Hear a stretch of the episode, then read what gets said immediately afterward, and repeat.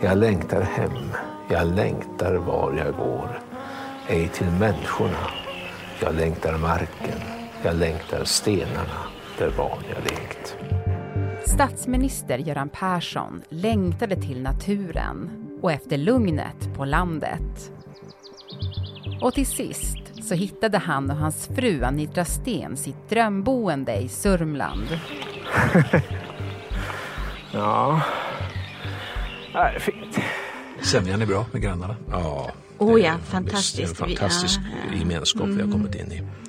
Kommer ja, in snabbt och knackar på bara och kommer in på kaffe. Och... På landet dricker vi kaffe ihop. Och vi bullar dricker... och kakor. Ja, bullar och vi sitter och pratar. Men istället för kafferep så blev det en infekterad grannfejd som pågått i snart tio år. Du får ju faktiskt göra som du själv vill. Om jag ska ta upp det med advokaten kring det här. Mm, det är bra. På en kvart får du höra om striden som den tidigare statsministern inte vill prata om. Måste bara fråga, är det värt tio års konflikt? Jag har ingen som helst kommentar till det. Det är onsdag den 26 april. Det här är Dagens Story från Svenska Dagbladet med mig, Alexandra Karlsson. Och idag med författaren och frilansjournalisten Jack Werner, aktuell med Blenda-dokumentären Göran Perssons oönskade granne.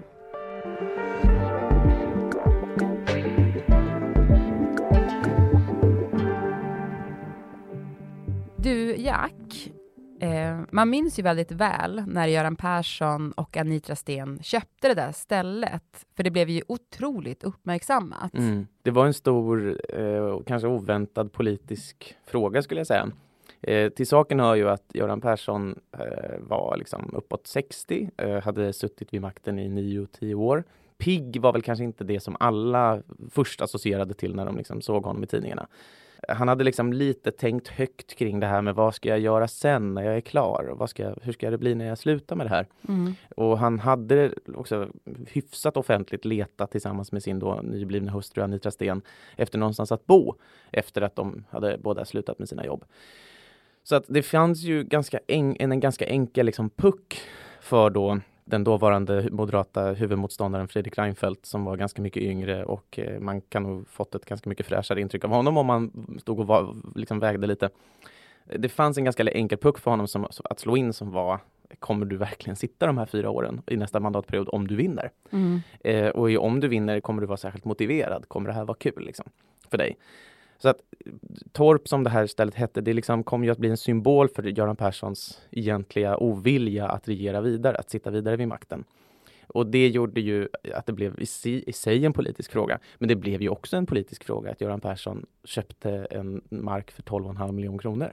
Mm. Så att det fanns ju också det, det här liksom svika sina ideal, hur, hur, hur, dyrt och fint kan en socialdemokratisk partiledare bo? Mm, precis. Ja, men det här var ju, det du var inne på, det blev ju en stor grej i valrörelsen 2006 va? Mm.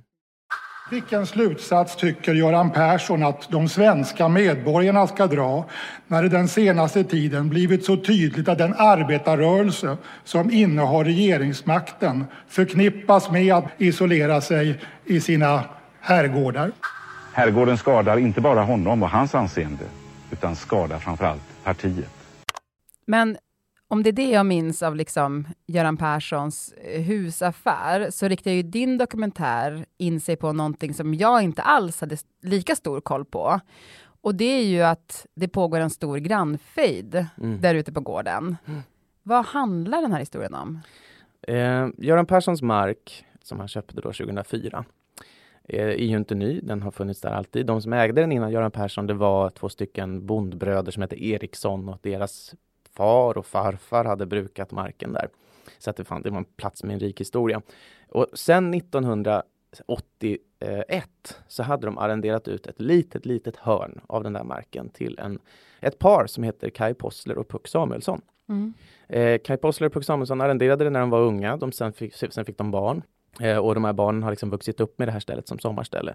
Båda de två kommer från Södertälje. De är liksom också sörmlänningar som, som har levt och, och, och bott där hela sina liv. 2012 ungefär började Göran Persson och Anitra Sten visa på olika sätt att de inte ville att Kai Possler och Puck Samuelsson skulle ha det här arrendet längre. Mm. Så det började pratas om att dra ner på dess storlek. Det började skickas brev där arrendet hävdes. Eh, helt enkelt, de ville få bort dem. Och Mm. utifrån det så har den här konflikten nu kommit att pågå i, ja, beroende på hur man räknar, drygt tio år. Hej, jag Ryan Reynolds. På Mint Mobile, we like to do the opposite of what Big Wireless does. They charge you a lot, we charge you a little. So naturally, when they announced they'd be raising their prices due to inflation, we decided to deflate our prices due to not hating you. That's right. We're cutting the price of Mint Unlimited from $30 a month to just $15 a month. Give it a try at mintmobile.com slash switch. $45 upfront for three months plus taxes and fees. Promo rate for new customers for limited time. Unlimited more than 40 gigabytes per month. Slows. Full terms at mintmobile.com. Men, men grannen här då, som också eh, hörs i dokumentären, Mm. Kai Possler, vem är han då? Kai Possler är läkare. Han, han äger en eh, vårdmottagning i Flen. Eh, eh, från början sörmlänning som eh, har då den här liksom haft alltid den här kärleken till, till Sörmland, till att vara ute i skog och mark. Eh, Mm. Så att han är liksom en, eh, han är en vanlig farbror skulle jag säga. Så han är 70 och, och en, en person som inte gör så värst mycket väsen av sig, men som helt uppenbart kan vara väldigt viljestark när det behövs. Mm. ja, det, det, och det kommer man få höra om. Mhm. Mm. Men du, du sa ju där att, att Göran Persson eh, ville få bort den här familjen då som arrenderar mm, det här stället. Mm. Ehm, men alltså, själva konflikten, vad är kärnan i den? Jag hade vetat det, svaret på det lite bättre om Göran Persson och Anita Sten hade velat vara med i Mm. min dokumentär och det vill de absolut inte. På alla sätt och vis jag har kontaktat dem så har de sagt tvär nej. Så att jag har ju inte tillgång till Göran Persson och Anita Stens syn på detta. Jag kan ju inte svara på frågan om varför de vill bli av med Kai Possler. Jag kan säga att Kai Posslers anledning att vilja vara kvar det är ju att det här är en plats som är väldigt eh, emotionellt viktig för honom, som är en, liksom en stor del utav hans liv, hans barns liv, hans barnbarns liv. Eh, Göran Perssons och Anita Stens, där kan jag ju alltså då bara spekulera. Men en gissning är att när de köpte den här marken så var deras idé ganska tydligt utpräglad att det här ska bli liksom ett lantbruks, en, en, en lantbruksfastighet där vi ska på riktigt eh, göra det till som, de ser ut, som det ser ut i våra drömmar. Och i våra drömmar ingick inte några människor som kom och gick eh, liksom, enligt deras egen vilja i, den vackraste, i det allra vackraste hörnet som man faktiskt kan argumentera för att Bergholmsudde är. Även om det är ganska eh, perifert, det ligger absolut inte centralt på tomten, så är det oerhört vackert där. Mm. Så att jag tror att det kan handla dels om det, att det här liksom, Kai Possler fanns inte med i Göran Perssons dröm. Men det kan också handla om att eh, Göran Persson tänker som en lantbrukare. Det var också något som Torbjörn Nilsson berättade, alltså SVDs politiska reporter, att Göran Persson faktiskt på riktigt eh, såg på detta som ett lantbruk och en lantbrukare tänker på liksom kvadratmeter som att de måste inte alla ge maximal avkastning, men de ska i alla fall brukas. Mm. Eh, så det kan vara det. Och sen så har jag en källa som jag har intervjuat, en person som ville vara anonym men som har jobbat i Göran Perssons närhet. Och, och den sa ju att det finns kanske också en, en, en fråga om ren liksom, maktvana. Att jag, vara van vid att få som man vill. Och att eh, inte riktigt kunna acceptera att, eh, att eh, i det här fallet arrendenämnden liksom gång på gång går på Kai Posslers och, och Puck Samuels linje. Mm. Så att det, jag tror att det är en liten soppa där. Ja, minst sagt. Mm.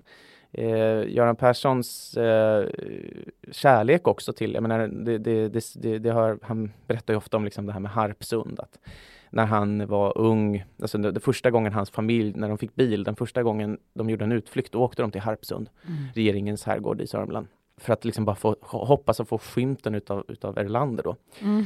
Eh, och, och den grejen att liksom tycka så mycket om den här herrgården, det säger också någonting om hans liksom, vilja att skapa en egen sån tillvaro. Mm. Och tror jag också börjat förvänta sig liksom lite grann att det jag har skapat ska jag få. Ja, men för Göran Persson kommer ju från arbetarklassen och har sedan tagit sig till en jättemaktposition. Mm, ja. Och om man då tittar på Göran Perssons enkla bakgrund här, eh, som man ju kan tycka att det här går i clinch med, så är det ju så med Kai Possler att han också har en enkel Sörmlands bakgrund. Han, hans mamma var, eh, jobbade på Astras etikettryckeri och Kai Possler säger att han fick leka med defekta etiketter när han var liten. Han bodde i en liksom två med sin mamma i Södertälje. Eh, så att båda de där två delar ju det här att komma från enkla förhållanden, har jobbat upp sig lite grann och det är det tror jag som gör också den här konflikten så giftig, att båda två eh, känner att de har förtjänat detta. Mm. Eh, och den krocken som uppstår då blir ju, den blir ju stark liksom. Men du, eh, som du var inne på, Göran Persson själv, han har ju inte velat vara med. Nej. Det är så synd. Ja, det är väldigt synd. Det hade, kunnat vara, det hade varit oerhört intressant och spännande att höra, inte minst om hans och Anitras relation till den här platsen. Mm. Och vad de ville skapa och hur det kändes att slåss för den under ja, valrörelsen 2006 eh, och, och, och, ta emot den skit som de tog emot både externt och internt. Och sen förhoppningarna på lugn och ro och frid för att sen möta liksom, en konflikt även i detta mindre universum. De hade redan tagit ett stort, en stor konflikt i det stora universumet. Nu, nu möter de även en konflikt i det mindre universumet. Mm. Um, Kai Postler är en väldigt sympatisk person eh, och, och det, liksom, han, han, han är på något sätt en förkroppsligad underdog. Mm. och det har gjort lite grann att i jobbet med dokumentären så har jag också varit väldigt mån om att ändå inte liksom Eftersom att Göran Persson inte får vara med, inte, inte vill vara med, inte kan, få liksom, hur, hur man än säger, ser på det, han, han, hans bild av det är inte med, liksom, Mm. för att han själv inte vill medverka och inte Anitra Sten heller. Så, så har jag försökt ändå att genom arkivmaterial och genom liksom de olika saker han har sagt genom åren, bland annat eh, i eh, liksom, faktiskt inspelningar från olika pressträffar som bara fanns på KB och sådär, så har jag ändå försökt få till det så att vi hör honom eh, ja, efter bästa förmåga. Men till sist då, jag tänkte så här, varför ska man lyssna på den här dokumentären? Man kan ju tänka att det också bara, ja det är en grannfejd mellan två jo, personer. Jo, det, och det är det ju eh, på sätt och vis. Jag har ju också liksom, lite grann eh, funderat på just det där, att det här är en grannfejd mellan två personer. Mm. Men det är också en grannfejd där den ena parten är liksom Sveriges eh, tills alldeles nyligen mäktigaste människor. Eh, och, och det säger någonting om, tror jag, kanske socialdemokratin. Valet 2006 var också ett, inom, i någon mening, presidentval från socialdemokratisk sida i den meningen att de höll fram Göran Persson väldigt mycket. De sa Mm. Göran Persson. Om man tittar på förra valet så var det också så, fast de höll fram Magdalena Andersson istället.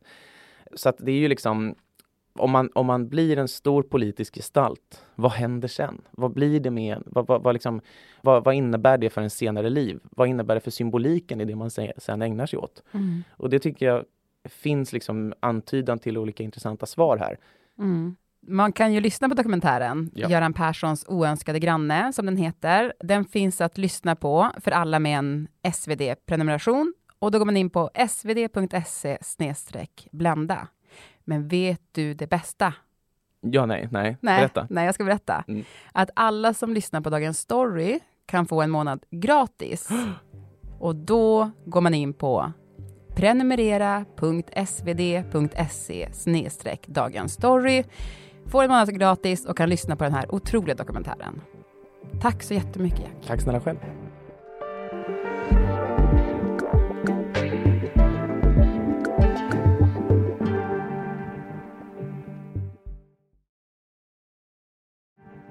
Programmet idag producerades av Moa Larsson, redaktör var Teresa Stenle von Matern och jag heter Alexandra Karlsson. Och klippen i programmet kom alltså från Blända-dokumentären Göran Perssons oönskade granne och från SVT-dokumentären Ordförande Persson. Vill du kontakta oss så mejla till dagensstory.svd.se.